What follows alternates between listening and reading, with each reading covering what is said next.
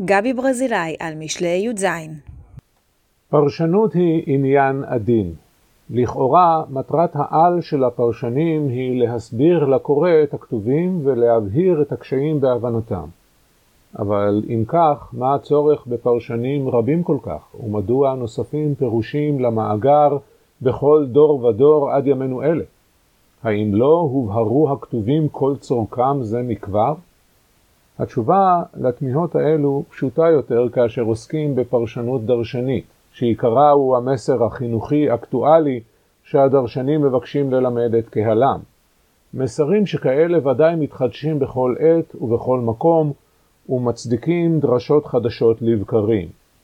אבל מה סודם של הפשטות המתחדשים בכל יום, כהגדרת רשב"ם בפירושו לבראשית ל"ז פסוק 2? הפשט הרי אמור לפרש את הכתוב כמשמעו הראשוני, וככזה היינו מצפים לפירוש פשט אחד או מקסימום שניים. דוגמה מעניינת למחלוקת פרשני פשט, שנובעת ככל הנראה מתפיסות עולם שונות, מצויה בפירושי האחים לבית קמחי. שני פרשני פשט ספרדים מראשית המאה ה-13 על הפסוק למה זה מחיר ביד כסיל לקנות חוכמה ולב עין. בכור האחים, רבי משה קמחי, פירש בעבור מה העניין הזה שיש מחיר, ממון, ביד הכסיל שיוכל לקנות בו חוכמה, ואין לו לב שיחפוץ ללמוד. רבי משה מאמין ביכולתו של כל אדם ללמוד ולהחכים, ומיצר על בחירתם של רבים להישאר בכסילותם למרות שיש להם מספיק כסף כדי לשלם את שכר הלימוד. לדידו, הבורות היא בחירה.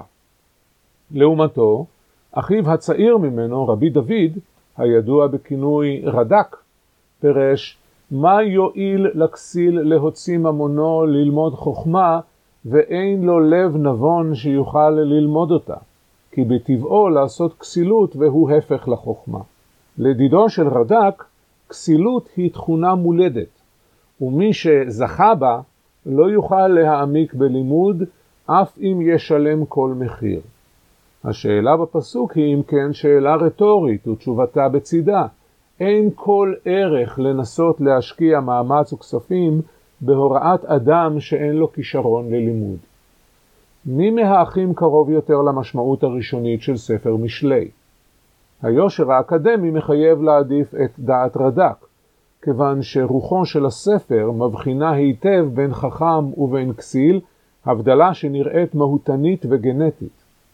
ועם זאת, אני מעדיף את פירושו של רמק, כיוון שבעידן שלנו אנו דוגלים בדעה שאין דרך אחת ללמוד ולהשכיל, וכל תלמיד יוכל להצליח בלימודו אם רק יפגוש במורה המתאים ובדרך החינוך הנכונה עבורו.